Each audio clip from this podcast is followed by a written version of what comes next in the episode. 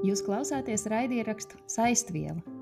Šīs ir Eiropas Latviešu apvienības sarunas par to, kas mūs saista pāri valstu robežām, pāri paudzēm un pāri dzīves pieredzēm. Sarunas par latvisko piedarību pasaulē visā tās daudzveidībā. Šī saruna tapusi ciklā Ela 70 - personības, pieturpunkti, pamatvērtības ar skatu uz Eiropas Latviešu apvienības 70 gadu jubileju.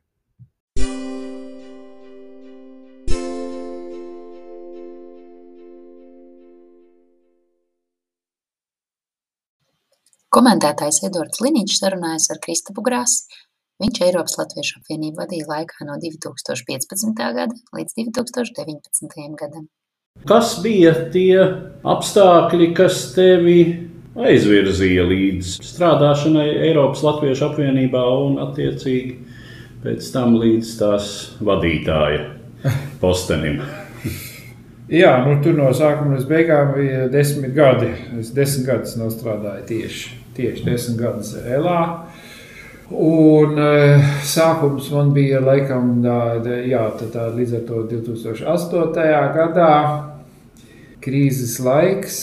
Tā saucamā jaunā diaspora, tā jau sākās 90. gados. Tas nav tā, ka viss tikai krīzes laikos bija notinuši makšķers, meklējot laimi kur citur. Uh, Tur jau bija daudz cilvēku 90. gados, devās gan izglītoties, gan strādāt, gan eh, vienkārši eh, ņemt eh, Eiropas Savienības iespējas. Globalizācija vēl papildus tam arī deva cilvēkiem iespēju vēl tālāk doties, bet vārdu sakot, ņemot to, ka 90. gados, kad es studēju, Tad eh, tā saucamās trimdas organizācijas eh, būtībā, it sevišķi par Eiropu runājot, bija nonākuši identitārā krīzē, tā varētu teikt. Kas ir viņu uzdevums, ko lai viņi dara, vai vispār ir jēgas, kam to turēt, jo tā trimda, tā iepriekšējā tā vadītāja paudze izgaisa vai nu Daži pārcēlās uz Latviju, citi asimilējās, un trešie noguruši vienkārši atdeva savus amatus vai gribēja atdot, bet nebija kam. Tik tiešām arī šķita, ka beidzās, jo Eiropas trimdā valdīja tāds eh, mission completed uzskats, vai ne, ka nu, Latvija ir neatkarīga valsts un, un ko mēs te mākslīgi uzturam kaut kādu kopienu, tā sakot, tiem, kuriem nav saikne ar Latviju pārāk liela. Tas eh, daudziem nešķita kā kaut kas ar sevišķi lielu nākotni vai vajadzību kā tādu. Tas bija viens, un otrs punkts bija līdz tam brīdim, kad sāka arvien vairāk izceļot no Latvijas. Atkal, kad it sevišķi aizjūras valstīs tas bija jūtams, ka bija divas sabiedrības vecās trimdas struktūras, un tad tā saucamie jaunie braucēji, un tie dzīvoja katrs būtībā savā, savā malā un savā kosmosā. Es kaut kad apzinājos, kad man acīm redzot, augs bērni ārpus Latvijas. Un tas nozīmē, ka būs interesanti, vai viņiem būs kaut kāda kopiena vai kaut kas, kurā viņi ir ārpus brīvdienām Latvijā vai ar apciemojumiem, vai, arī, vai viņiem būs kaut kāda latviešu ikdiena ārpus Latvijas vispār. Ja tīri no personiskā viedokļa. Un eh, tad kaut kad man sāk uzrunāt bijušais Eiropas Latviešu apvienības priekšsēdis un tā laika Latviešu kopības Vācijā, valdes priekšsēdis Andris Zemīts. Vienos eh, Jāņos, Bonā, Anabergā, kas ir viens no tiem trim latviešu īpašumiem, kas ir Vācijā. Ir Bonā, Anabergas pils, eh, Dienvidvācijā Bērzaine un Minsterē ir Minsteras Latviešu centrs. Un uh, viņš teica, eh, nu, Kristap, mums vajadzīgi tie jaunie spēki, jaunie spēki, vai ne? Un tur man likās, toreiz, ar saviem 38 gadiem, kad ilgi man vairs nebija neviens uzrunājis, kā jaunais, lai nāk. Es jutos ļoti pagodināts, kad kāds man vēl tagad sāka kaut par jaunu uzskatīt. Un tad es tā kā sāku domāt, vai tik tiešām man pirmoreiz mūžā būs jāsāk nodarboties ar sabiedrisku darbu. Es jaunībā biju kaut kad bijis Eiropas Latviešu jaunatnes apvienībā īslaicīgi, man liekas, vienā sezonā es biju Vācijas nodaļas kaut kādā valdes sekretārs vai kasieris, es neatceros, bet ar to arī aprobežojās būtībā mans sabiedriskā iesaiste. organizācijas kā tādas man, manā dzīvē arī nebija tik interesantas. Tāpēc, kad uzaugot uh, ģimenē, kur uh, tēvs ir pēc profesijas latvietis, un mēs ceļojām pa pasauli tāpat, man nebija kaut kāda sevišķa vajadzība iesaistīties tur koros, dejos, skolās vai kaut ko tamlīdzīgu, lai uzturētu kaut kādu latvietību, jo tā man bija ikdiena. Bet um, Mani ievilka pa kultūras līniju katrā ziņā. Sāksim ar to. Protams, ka man ievilka pa kultūras līniju un teica, ka nav viņiem kultūras cilvēku tajā visā un vajadzētu kādu, kas profesionāli šajā laukā darbojās, kuram ir kontakti, kuram ir zināšanas, kuram ir spējas un tā es tur nonācu. Jā. Ko tu darīji profesionāli tajā brīdī? Profesionāli pēc izglītības esmu uh, mūziķis, studējis ģitāru, kompozīciju un instrumentālu pedagoģiju. Vēlāk vēlreiz pārstudēju pat. Vispār studēšana bija mans galvenais hobijs visu jaunību. Es studēju ļoti, ļoti daudz un ļoti ilgi. Kā mūzika bija viena puse, bet es studēju filoloģiju, es studēju mākslas vēsturi, muzikoloģiju, skandināvu valodas, baltu filoloģiju un filozofiju. Man ir veseli Bonas universitātē 38 pavadīti semestri. Es eh, noliku savus diplomus, visas mākslinieckā pusē, un visu pārējo es studēju tīri pēc intereses. Bet tajā laikā es strādāju kā mūziķis, kā mūzikas producents. 17 gadus strādāju ierakstu kompānijā, producējot citus māksliniekus, aranžējot, spēlējot, strādājot arī par pedagogu Daudzus gadus vēlāk arī par skolas vadītāju, mūzikas skolas. Rīkoju pasākumus, rīkoju koncertus. Reizi gadā tāds bija mans noteikums. Man ir jāizteno kaut kāds latviešu māksliniecisks projekts. Pilnīgi neinteresanti, vai viņš ir komerciāli kādam interesants vai nē, tikai tīri dvēseles apmierināšanai un intelektuālai izaugsmai. Tā tapa tās kopīgās programmas ar eh, Juriju Kronberga dzīsnieku, kuriem mums bija vairākas programmas, kur mēs arī desmit gadus kopā uzstājāmies. Kad es ienācu celā, tad es pilnā spārā būtībā darbojos ar šādām lietām. Izaicinoši man toreiz likās tas tieši būtībā savest kopā trimdu diasporu Eiropā, jo tas tur notika daudz ātrāk, un man bija ļoti skaidrs, ka tāda trimdas kopiena nebūs. Nav vairs un arī nebūs, bet diasporas kopiena noteikti būs un viņa būs liela.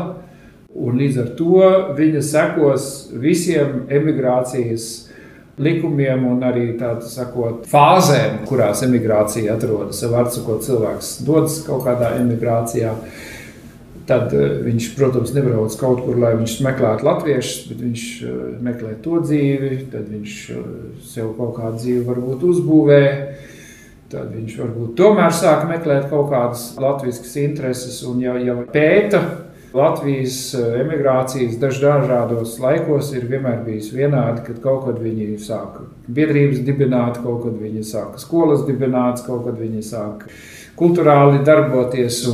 Es toreiz jau arī vēstnešiem, kas strādāja diplomātiskā dienestā Vācijā un Zviedrijā, bija Pēters Elferts, kas tā laikā bija īrijā vēstnieks un teica, ka tas ir neapturami, kad šeit notiks tā pati evolūcija, kāda ir bijusi trim pēckaras gados. Daži savādāk, protams, citas motivācijas, bet no sabiedriskā viedokļa būs līdzīgi un būs arī saistīts ar līdzīgām problēmām kas būs eh, visjūtamāk tieši bērnu asimilācijā, valodas prasmes, zudumus, viss, kas ir saistīts ar, ar emigrāciju, tas arī būs šeit.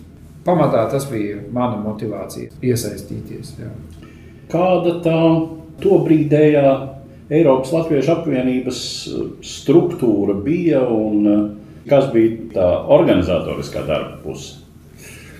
Kad es sāku 2008. gadā, tad viņa pārsvarā balstījās vēl uz savām vecām oriģinālu struktūrām, vēl no Latvijas laikiem, iepriekšējās organizācijas Rietumu Eiropas Latviešu apvienība, kas bija solis prom no Latvijas. Latvijas bija Latvijas eh, atbrīvošanas komiteja Eiropas centrs, kuriem bija saucamais Mission Completed eh, ar Latvijas neatkarības atgūšanu, un tad viņi meklēja savu jēgu un uzdevumu esošā pasaulē Vispirms pārkristot sev par Rietumu Eiropas Latviešu apvienību un tad par Eiropas Latviešu apvienību. Interesants fakts ir tas, ka Eiropas Latviešu jaunatnes apvienība Elija daudzus gadus iepriekš jau iekšēji par to diskutēja, ko lai viņi dara, kad viņi vairs nebūs jauni. Jo tā bija Eiropā ļoti spēcīga organizācija, kur arī bija liels intelektuāls pienesums un arī pievilcīgums tajā jauniešiem Eiropā. Bet eh, Elijas jaunieši bija līdz 35, Tad viņi bija biedri veicinātāji un droši vēl kāds desmit gadus varēja tajā vidē grozīties. Tas bija diezgan plašs, no 15 līdz 50 varbūt cilvēku lokus. Un viņi jau kādreiz diskutēja par to, ka īstenībā viņiem būtu vajadzīga ELA, kas būtu viņa pēcteču organizācija, bet tas nekad nenotika. Tas nekad nenotika, un ELA radās pilnīgi no citas puses, varētu teikt, ar nekādu Ellis cilvēku iesaisti būtībā, un arī vēsturiski tur nav saiknes, izņemot to, ka Lakecā Elijai bija viena vieta valdē. Viņi gribēja, lai jaunieši tur būtu pārstāvēti. Toreizējā struktūra bija vēl Zviedrija, Lielbritānija, Vācija, kā tās lielās trimdas kopienas, kur arī bija organizācijas struktūras, kuras bija vēsturiski izaugušas, kuras vēl šodien tur ir kas bija dibinātas 40. Eh, gada beigās, kur bija kapitāls, tā sakot, arī uz kā balstoties. Un šīs trīs kopienu pārstāvji, Zviedrija, Lielbritānija un Vācija, būtībā arī bija jumta organizācijas PVLA, Pasaules Brīvības Latvijas apvienības, trīs Eiropas balsis. PVLA ir tradicionāli vienmēr bijuši trīs Eiropas valdes pārstāvji, un tas izriet būtībā no šīm trim lielām valstīm, un tad pārējie bija mazās valstis, arī trīs. Un interesantā kārtā tas ir vairāk vai mazāk arī šodien vēl prezidijā palicis, arī ja viņi tagad eh, skatās, kā pārstruktūrēt liederīgāk šo organizāciju. Tad es ienācu vēl iekšā, un tur vēl sēdēja mana vecāku paudzes pārstāvi. Varētu arī teikt, cilvēki, kurus es pazinu no bērnu kājas vai no bērnības, vēl bija, tas bija tieši tas posms, kad būtībā viņi lēnām gadu pēc gada katrs no viņiem atkāpās kaut kur. Mums nāca tas uzdevums visvairāk pamats tam ielika mans tiešais priekšgājējs Aldis Austers pārtapt no organizācijas, kas pārstāv trimdus kopienu cilvēkus, uz organizāciju, kas ir reģistrēta Latvijā, kas pārstāv visu Eiropas diasporu Latvijas valsts iestādēs. Tā sakot, interešu pārstāvniecība, Eiropas diasporas interešu pārstāvniecība Latvijā. Tas arī ne visiem patika.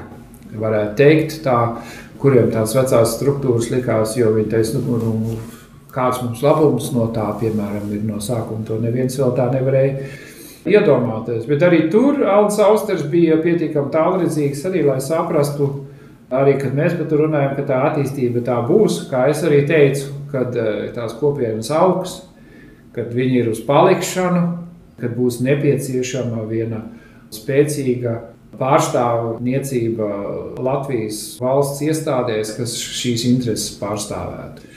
Un arī tad, kad es stājos amatā, vēl jau vairāk bija tieši tas, kas bija mans uzdevums. Man bija pusotru gadu skriešanas par valsts iestādēm, par institūcijām, par ministrijām, iepazīties, runāt, iepazīstināt.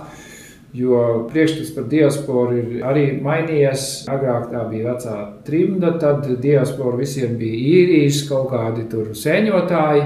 Tā ir diaspora un tas, kas viņi ir šodien, un jau ir laikā, ir ļoti daudz krāsainu sabiedrību, es teiktu. Jā.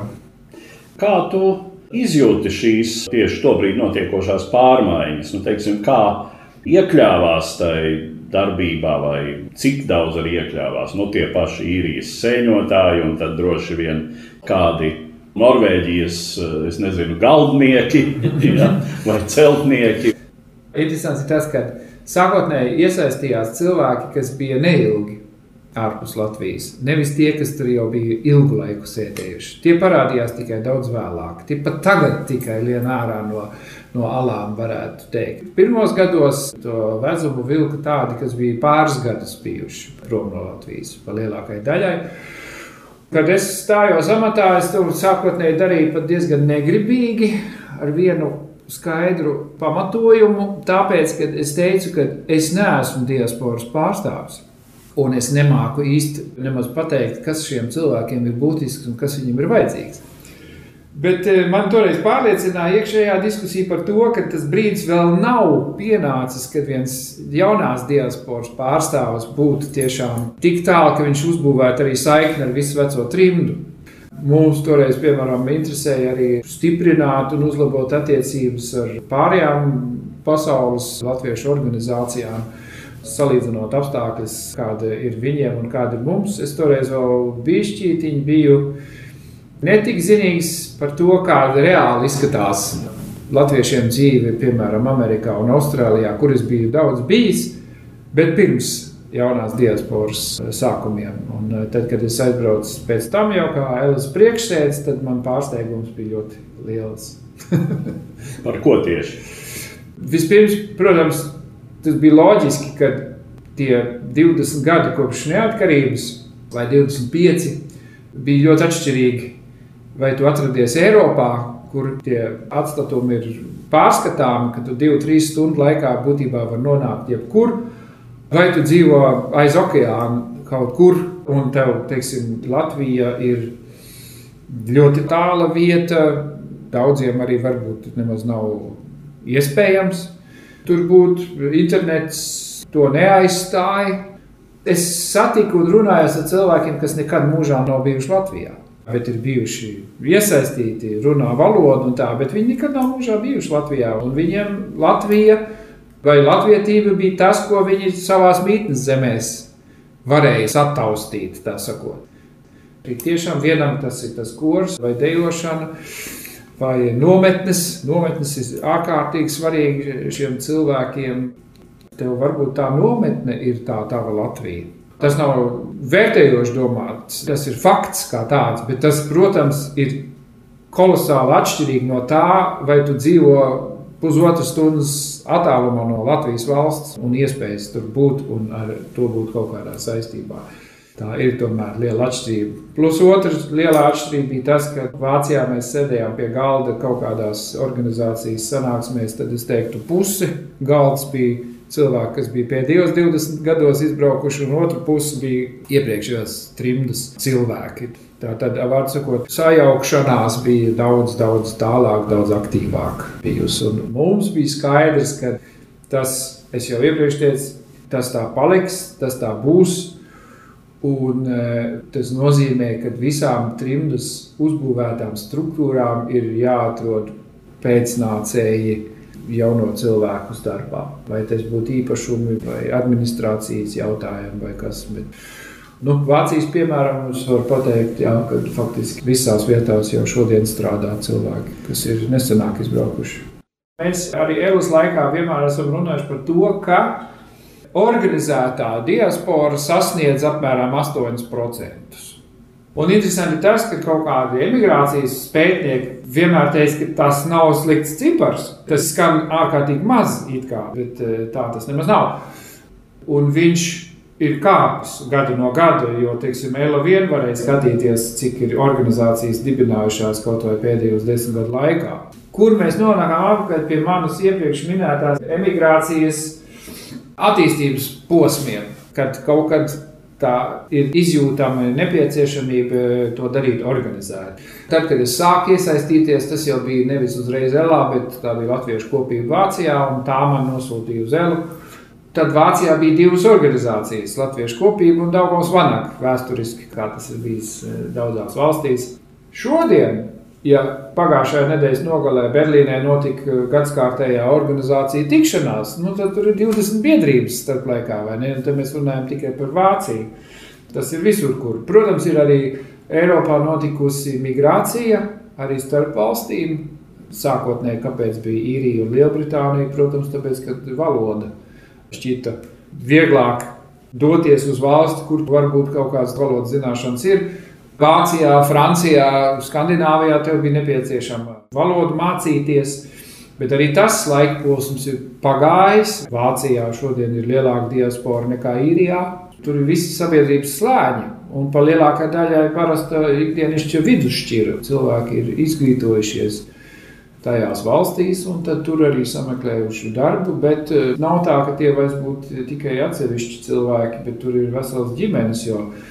Kāds dzīvo kādā valstī, tad viņam dzimst bērni, tad nav kas tos bērnus pieskatīts. Tad kāds no vecākiem izdomā tomēr arī doties uz to pusi, un tā vesela klāni dodas kaut kur dzīvot. Un tiem visiem kaut kad var rasties kaut kāda sabiedriska vajadzība vai vēlme pēc kaut kādas sabiedrības. Un mēs arī tāpēc sapratām, ka ir vairāki punkti, kurus būtu jāstiprina. Un tas bija arī viens no mana Elas laika, un arī vēl tagad Elas laika būtiskākiem punktiem - to valsts saikni ar savu diasporu organizēt, administrēt, ierosināt, attīstīt. Starplaikā ir visādas struktūras valstī, kas atbalsta tieši diasporas darbību, organizācijas darbības nodrošināšanas projekti un konkursi. Tādas lietas viss eksistē. Tas viss iepriekš nebija. Ne? Jo tad, kad es sāku,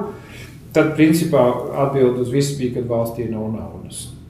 Un otrs punkts bija arī pietiekami attaisnot, protams, jautāt cilvēkiem, kāpēc valstī būtu finansiāli jāatbalsta aizbraucējs. Tas ir ļoti plaši diskutēta tēma, kontroversiāli diskutēta tēma.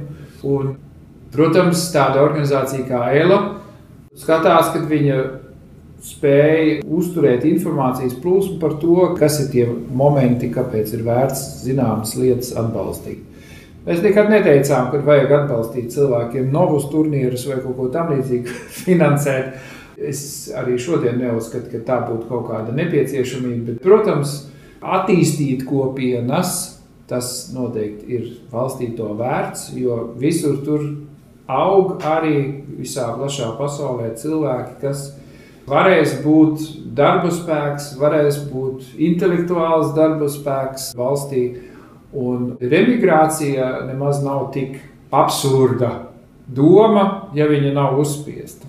Jo cilvēka mūžā, šajos laikos, globalizācijā, tā iespēja, ka viņš dzīvo divās, un trijās un četrās valstīs savā profesionālā dzīvē, galīgi nav kaut kas īpaši neiedomājams. Un kāpēc kāda no tām valstīm nebūtu Latvija, tad, kad tev tas profesionāli nāk pretī? Starp citu, pētījumos arī to arī teica, ka eh, cilvēkiem remigrācijas argumenti visretāk ir finansiāli. Tas nav izšķirošais, kāpēc kāds izdomātu atgriezties šeit strādāt. No tavas pieredzes, kuri bija tie iedarbīgākie instrumenti, ar kuriem varēja piesaistīt potenciālos dalībniekus, nu, pirmām kārtām jau no nesen aizbraukušajiem? Tas ir uh, interesants jautājums, tāpēc, ka tāda organizācija kā ELA protams, uz pirmo acu skatienu nenodarbojas ar kaut ko tik pievilcīgu, ka tur viss tagad skriešus metīsies amatos, kā tas parasti ir. Visvairāk piesaista cilvēkus, vienmēr tas tā ir bijis, un tas vēl tagad ir, tie ir kultūras pasākumi. Tā tas Latvijam ir vienmēr bijis, un arī šobrīd tas ir. Un tāpēc toreiz mēs arī būvējam uz to, kad vajag rīkot visiem savus kultūras svētkus, savus dziesmu dienas eh, savās valstīs. Nevis tāpēc, ka viņi tur būtu foršāki nekā Latvijā, bet ka tam ir ārkārtīgs kopuma spēks. Un tur tas ir varbūt līdzīgi kā tas bija iepriekš minētā Elijā 70. gados. Tā šajā posmā Ēla bija, es domāju, noteikti pievilcīga tieši tādiem cilvēkiem, kuri tajā visā Pārējā, kas jau eksistēja, savu vietu neobligāti saredzēja, bet viņam interesē varbūt kaut kas vairāk. Viņš ir cilvēks no izglītības loka, vai viņš ir no uzņēmēja darbības, vai no kaut kā. Vārds sakot, cilvēki, kuriem interesēja attīstīt vēl vairāk tēmas, ar kurām sasaistīt Latviju un diasporas cilvēkus. Par to ir stāsts arī šodien lielā mērā organizācijām. Un Eiropa šeit atšķirās, ļoti atšķirās ar to, kā tas ir piemēram aizjūras valstīs, ja piemēram tāda Amerikas Latviešu apvienība arī lielā mērā ir saredzējusi savu uzdevumu Amerikai stāstīt par to, kas ir Latvija, kas ir Latvijas vēsture, kas ir politiskie notikumi Latvijā, kur ir arī sava vēsturiska loģika aiz tā. tad eh, šeit tā ciešā saikne ar valsti ir būtībā primāra. Un tas, protams, attraktīvi ir arī Elai. Tas vienkārši ir geogrāfisks moments tajā visā, kad eh, šeit sadarbojas pāri valstīm. Daudzi. Itālija, Francija, Austrija, Skandināvija, Vidus Eiropa, kad cilvēki sadarbojās kopā digitālajā laikmetā. Tā nav nekāda problēma rīkot kaut vai reizi nedēļā valdes sēdes, apspriesties eh, digitālā vidē.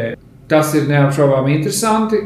Un Elā noteikti nonāca arī no kopienām tie darītāji. Katrā kopienā ir vienmēr priekšgalā kādi, kas to vezumu velk. Un tie bija arī tie, kurus arī Ela meklēja faktiski vienmēr tais valstīs. Vai un cik bija manāmas kaut kādas atšķirības starp šīm kopienām? Īrija, Francija, tad, jā, protams, Benelux, nu, pirmkārt, Beļģija, kura Briseli pamazām sāk veidoties tā Eiropas institūcijās strādājošo kopa, no kurienes, starp citu, nāca arī Aldis Austers. Tas ir pareizi, jā, un savā ziņā arī Elīna Pinto. Pareizi atšķirās pat ļoti, es teiktu. Arī viena no visinteresantākajām daļām šajā darbā bija, teiksim, labi, es pats eh, esmu no Skandināvijas, bet eh, audzis Vācijā. Līdz ar to pārzinu tās teritorijas. Benelux kļuva ļoti ātri, ļoti aktīvi, kaut mazā skaitā īstenībā, ja ņem visu to teritoriju, tad Lielbritānijā, Īrijā tajā laikposmā bija neskaitām daudz vairāk cilvēku, bet izkaisītāki, protams. Un arī, protams, pilnīgi dažādi iemesli, kāpēc cilvēki tur ir nonākuši. Brisele vienmēr ir bijusi savu specifiku, ka tie ir tomēr zināmi uz laiku. Tāpēc tur vienam otram varbūt pat bija arī interesantāk savam bērnam kārtīgi samācīt franču valodu, nevis tur tagad latviešu valodu uzturēt. Vajag zinot, kad viņi tā vai tā atgriezīs atpakaļ. Es neslēpšu, ka 2000. gados, kad es sāku braukāt par eh, Lielbritāniju, īriju, man bija šoks. Tomēr tas, kad es biju aizmirsis šos momentus, kad bērni neprot latviešu runāt, vai vāji runā latviešu, vai vecākā izrāda, ka lai runā latviešu. Nu, tā bija mana tāda trimdas bērnības ikdiena, ko tu tā atcerējies. Es teiksim, trimdas izglītojošo pusi izbaudīt no sākuma līdz beigām, var sakot, no mazbērnu nometnes līdz Minstras Latvijas gimnāzijas beigšanai. Tā bija mana, mana latviskā izglītība, bet uh, man tas pilnīgi tikai atausa, ka, protams, ka šie cilvēki tagad dabūs ar šo saskarties tikpat skarbi, kā tas bija trimdā. Un es arī teicu tiem cilvēkiem, ka tur nav ko sevi mānīt. 9 no 10 būs zuduši pa paudzēm, un valoda, valoda zudīs. Vienīgā starpība, ka kāds bērns var nonākt, protams, atpakaļ Latvijā, kā tas nebija trimdas laikos. Varbūt vajadzības gadījumā šeit atkal samācīsies, ja viņš to pazaudētu. Bet um, uzkrītoši tas bija ļoti visās valstīs, kad ātri zuda bērniem valodas prasmes. Un ar visu atšķirību, protams, Tur varēja teikt, kā vienmēr jau trims laikos, angļuiski runājošā vide bija visnelabvēlīgākā. Šādai attīstībai vislabvēlīgākā vide ir tāda kā Luksemburgā, kur visi runā trīs valodas. Līdz ar to multilingvālisms ir kaut kas pozitīvs, kaut kas, ar ko tu saproti, ka tas tev dzīvē kaut ko dos, ka tev ir vērts to darīt. Un man bija žēl arī tās nabaga mātes, kurām nebija tādas pieredzes. Ko lai dara cilvēks? Viņš ir nonācis valstī, viņš veda savu bērnu uz bērnās, tam bērnās runā vienā valodā. Viņa nekad nevienas citu valodu mūžā nav pratusi. Viņa saka, ko jūs jaucat nabaga bērnam? Galvu. Viņa aiziet pie bērnu ārsta. Bērns runā vienā valodā, nekad nevienu citu valodu mūžā nav runājis. Viņai saka to pašu. Nejauciet bērnam prātu, runājot valsts valodā ar viņu. Tad tam cilvēkam jāsaņemās un jābūt tik stipram, ka viņš vienalga tam stāvēs pretī un pateiks, nē, es mācīšu savam bērnam dzimto valodu. Un tā bija varbūt viena no vislielākajām atšķirībām redzēt, kurās valstīs šeit kāda veida progresija ir bijusi šajā emigrācijas, teiksim, mums nepatīkamās sastāvdaļā. Kāda ir tava pieredze sadarbojoties ar Latvijas institūcijām? cik tur bija pretim nākšanas. Nu, tu jau teici par to, ka atbildi naudas nav, bet nu, jā, nu, 2008. un 2009. gads tas jā. bija. Protams, krīzes laiks, kad naudas tiešām arī nebija. Tieši tā, jā. Un nedrīkst aizmirst, naudu arī nemaz neprasīja. Tā nebija, jo to neviens negaidīja. Trimda tā vai tā nebija pieradusi prasīt naudu, jo trimda ģenerēja vienmēr pati savas naudas. Tas bija arī viens no konfliktiem starp trim organizācijām, jaunām diasporas organizācijām, kur skatījās uz to, ka viņa ar atbalstiem, ar finansējumiem realizēja pasākumus, kur vecās trims organizācijas noskatījās šķīvi un pateica, mēs šādus pasākumus rīkojam, lai viņi būtu ar peļņu, lai mēs varētu to atļauties vai saziedojam. Bet tam ir vēsturisks aizmugurs, kāpēc tas tā ir. Es pa lielai daļai liku fokusu tieši uz valsts sadarbību, kuras savā laikā arī eh, diezgan eh, norāvos no pārējām pasaules organizācijām, kas tieši to tajā brīdī nebija paraduši, jo viņiem vēl bija varbūt tā iepriekšējā praksa zinām, Amerikā, piemēram, visa politiskā struktūra ir balstīta uz ziedojumiem. Tas ir viņiem ļoti ikdienišķi, kamēr Eiropā tas noteikti tādā apjomā nav pazīstams. Mums bija galvenais uzdevums iepazīstināt, es domāju, mūsu laika posmā valsts iestādes ar to, kas varētu būt valsts uzdevumos nākošos 20 gados, kas ir diasporas laukā jāattīsta. Jo to nevarēja prasīt, ka tas uzreiz tā būtu, un ka tam būtu arī budžeti. Un mēs vienmēr arī uzsvērām, ka jebkāda veida atbalsts vai finansējums diasporā viņam ir jābūt attaisnojamam. Viņam ir noteikti jābūt attaisnojamam, un attaisnojums ir tas, ka valstī no tā būtu kaut kāds labums vai kaut kāda jēga. Un tur, es domāju, mēs izglītības eh, jomā tas sākās, protams, ar sestdienas skolām, ar valodas kursiem, ar eh, tālmācību, ar nometnēm, kuras nepieciešams. Milzīga sāpe man personīgi ir tas, ka Lietuvai ir astoņas pilnlaika gimnāzijas pasaulē, mums nav neviena. Ārpus Latvijas mums vienīgā, kas bija Minstera, beidzās 98. gadā, un nekas neliek just, ka kaut kas tāds varētu atgriezties. Kaut diaspora ir daudz, daudz vairāk no asimilācijas apdraudēti jaunieši nekā mūsu laikos jebkad bija. Un tai Minsteras gimnājai bija milzīga nozīme. Viss, kas ir palicis no manas un iepriekšējās paudzes trimdas cilvēkiem, kur būtu kaut kādos vadošos amatos, vai diasporā, vai Latvijā, ieskaitot ministru prezidentu un prezidentu, beidza Minsteras Latviešu gimnāziju. Tā nav sagadīšanās. Tas nozīmē, ka tur izaudzināja tos, kuri vēlāk kļuva par vadības personām. Arī ASV bija šausmīgi svarīgi jaunieši, kas bija Eiropā pavadījuši laiku, kas bija Eiropā izglītojušies, devās atpakaļ uz ASV un tur kļuva par vadošām personībām. Tas nozīmē, ka viņa nesa pilnīgi citu vēl redzes lauku iekšā tajā latviešu darbībā, kā viņi bija tur, kas pārtrūka ar 98. gadu. No Amerikas latviešiem retais vairs izglītojās arī papildus Eiropā. Līdz ar to es nevaru sūdzēties par atbalstu nemaz. Viņš ir bijis drīzāk pozitīvs, ir bijušas arī lielas cīņas. Birokrātija Latvijā teiksim, ir pilnīgi atsevišķs lauks, ar ko tāds trims cilvēks kā es pilnīgi nekad nemācījos tikt galā. Tas arī nekas. Tur ir jāpaņem sev malā kāds cilvēks, kas to lietu pārzina, un tad eh, tiek arī galā ar to. Tādā ziņā es eh, nevarētu sūdzēties par to, ka ar valsts iestādēm būtu bijis sevišķi grūti, ja nu varbūt vienīgi pensiju jautājumā. Apliekamā minimuma jautājumā. Tas ir ļoti sāpīga tēma. Visām pusēm bijusi, ko mēs Elas laikā ļoti daudz esam ar to darbojušies. Runiet par to, ka cilvēki devās emigrācijā pirms 25 gadiem, varbūt jau gados nobrieduši, un e, tā nesapelnīja Latvijā savu pensiju, un to, ko viņi sapelnīja mītnes zemē, ir pa īsi, lai tur dzīvotu vecumdienās. Bet, ja viņi atgrieztos Latvijā un viņiem apliktu to savu mazo pensiju ar ļoti lielu procentu nodokli, tad viņi ir sprukās vienalga, uz kur pusi viņi iet. Tas jautājums tā arī nav atrisināts. Viņš ir izsināts. Viņš risinās. Viņš ir daudz, daudz tālāk ticis nekā iepriekš. Tur ir stipri daudz vairāk, bet eh, es biju pārsteigts par to, cik tas bija smagnēji.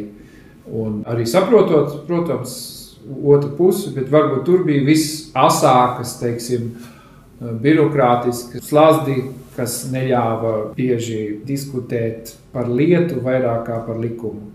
Tad, kad tu runāji par um, Minsteras gimnāziju un uh, to, ka varbūt kaut kas tāds būtu jāatjauno, teiksim, ja mēs skatāmies uz Eiropu, tad jau droši vien ir iespēja diezgan tāpat viegli nokļūt Latvijā un studēt šeit. Droši vien, ka vairāk loģikas būtu domāt par kaut ko tādu, kaut kur tālāk, teiksim, ka kaut kas tāds varētu būt Savienotajās valstīs vai Austrālijā.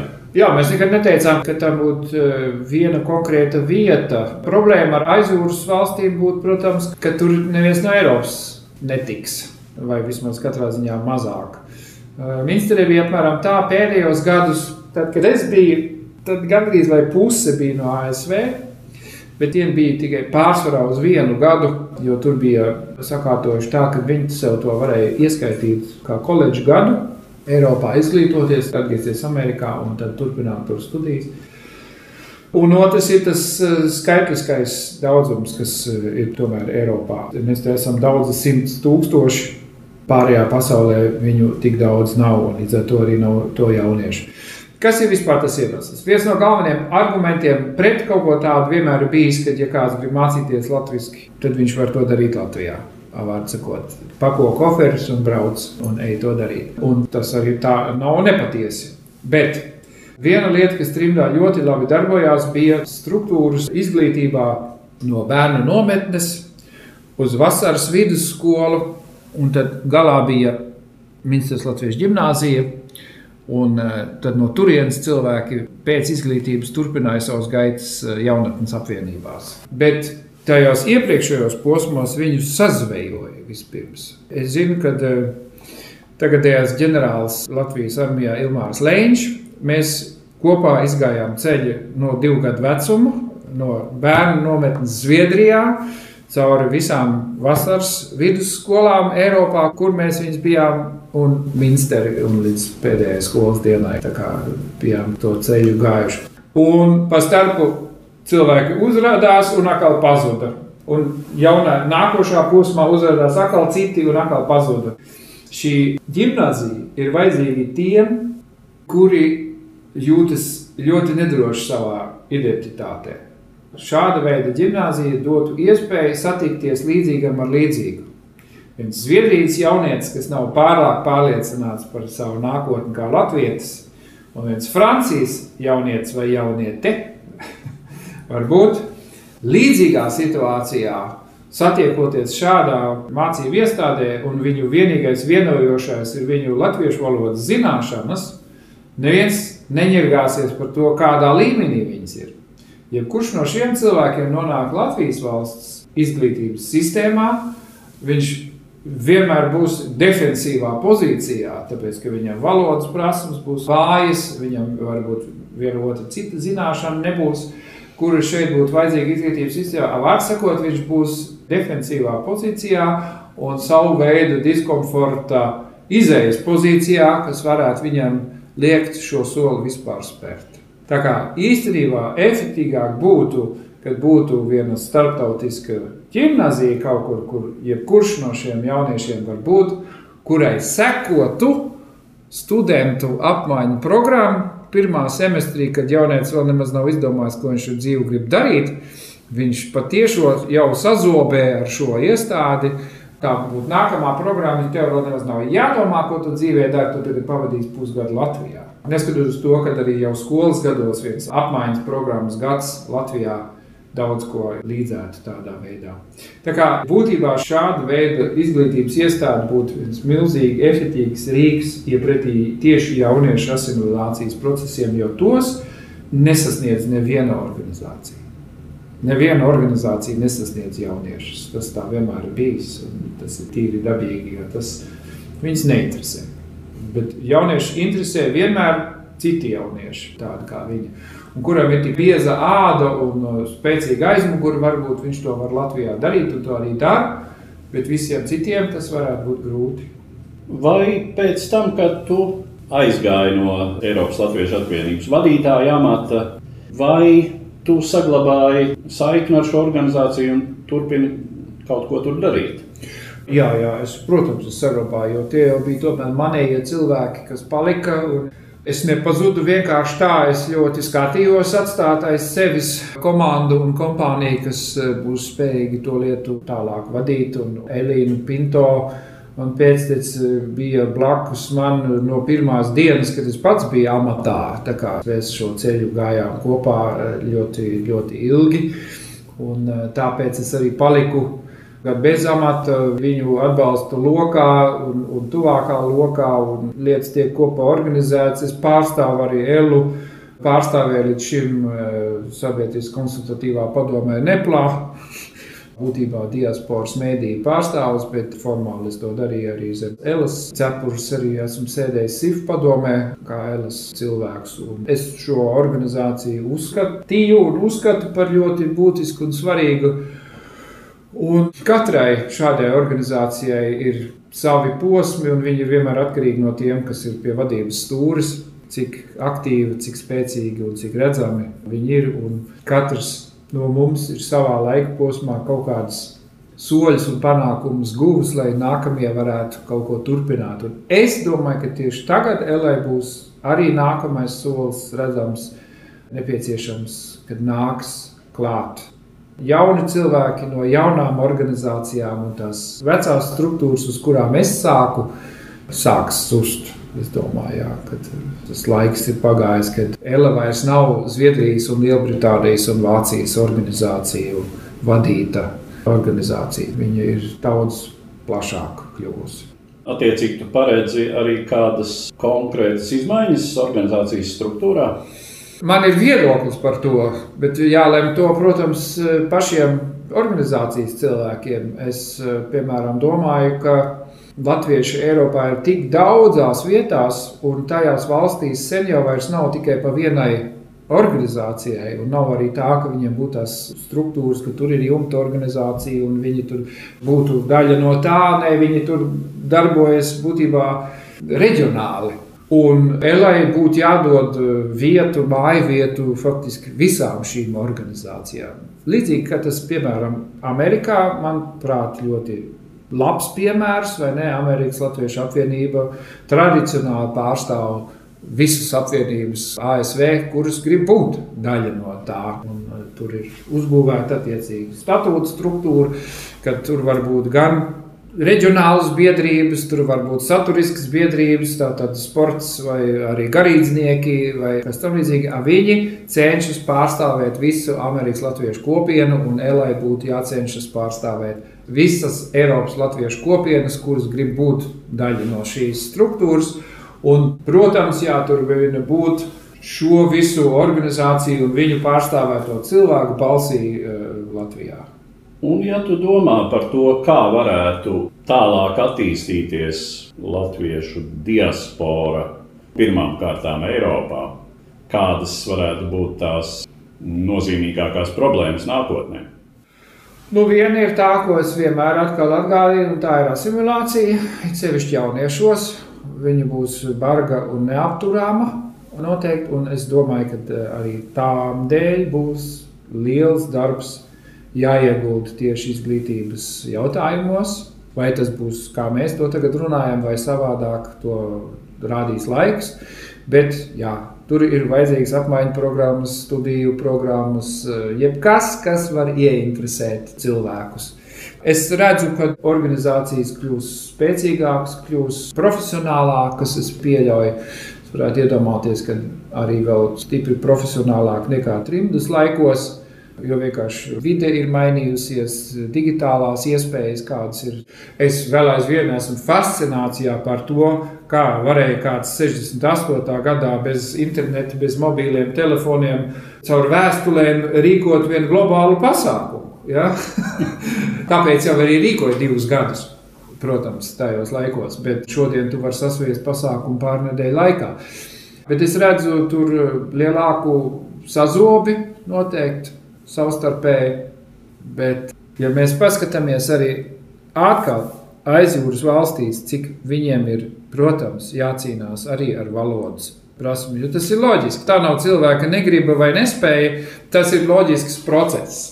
Un Tur ir arī Latvijas valstī, es domāju, viens no lielākajiem fokusiem uzturēt saikni. Jo no otras puses, teiksim, vēsturiski latvieši atšķiras no citām tautām. Mēs esam diezgan sīksti pretojušies valodas izzušanai. Mēs to esam 800 gadus Baltijas teritorijā varējuši šo valodu uzturēt iepretīm pārējām baltu valodām, kuras ir izzudušas. Un e, mums vēsturiski ir bijis iespēja arī mūsu teritorijā zaudēt valodu vairāk kārtīgi pret citām valstīm, kas ir nākuši iekšā. Un, ja salīdzinām, piemēram, mūsu ar tiem pašiem īriem, ņemsim tos, kuri ir arī izkaisīti pa visu pasauli, bet savu valodu. Viņi ir zaudējuši milzīgā mērā, daudz vairāk nekā mēs. Skandināvi, kas ir pa pasauli izkaisīti, ir savu valodu zaudējuši lielā mērā. Mēs esam būtībā diezgan izcili ar to, ka mēs esam panākuši to, ka mēs esam, teiksim, 150 gadu emigrācijas vēsturē vismaz spējuši arī emigrācijā uzturēt valodas prasmes. Tas ir ļoti interesanti šobrīd. Eh, vienā no manām daudzām cepurēm, kā redaktoram Latviešu komportālā, mums ir vēstnešu projekts, kur mēs intervējam cilvēkus no tiem 92%, kas nav sasniegti, kurus organizācijas nesasniedz. Un tad mēs gājām dziļumos Argentīnā, Čīlē, Taizemē, Japānā, kur visur atrodas latvieši. Un uh, Dienvidamerikā, protams, ir vecā emigrācija. Tad tur ir latvieši, kas jau vairākās paudzēs varbūt nerunā latviešu. Bet viņiem ir kaut kāda saikne, kas ir ļoti interesanti, jo tas, protams, varētu būt arī daļa no diasporas nākotnes. Jo nebūs visi latviešu runājoši, protams, ka nebūs. Bet, ja mēs runājam par saikni ar valsti, ja mēs runājam par saikni ar to, kādu devumu diaspora var dot arī Latvijai, tad valodas prasmes tur būs nepieciešamas.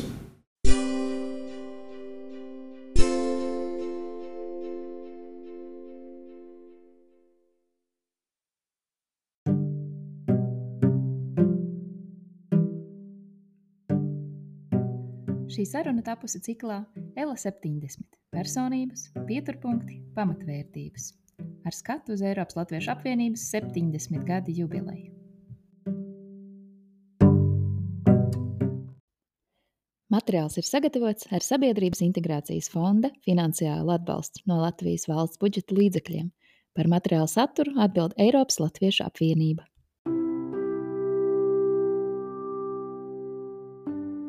Jūs klausījāties Eiropas Latviešu apvienības raidierakstu Saistviela.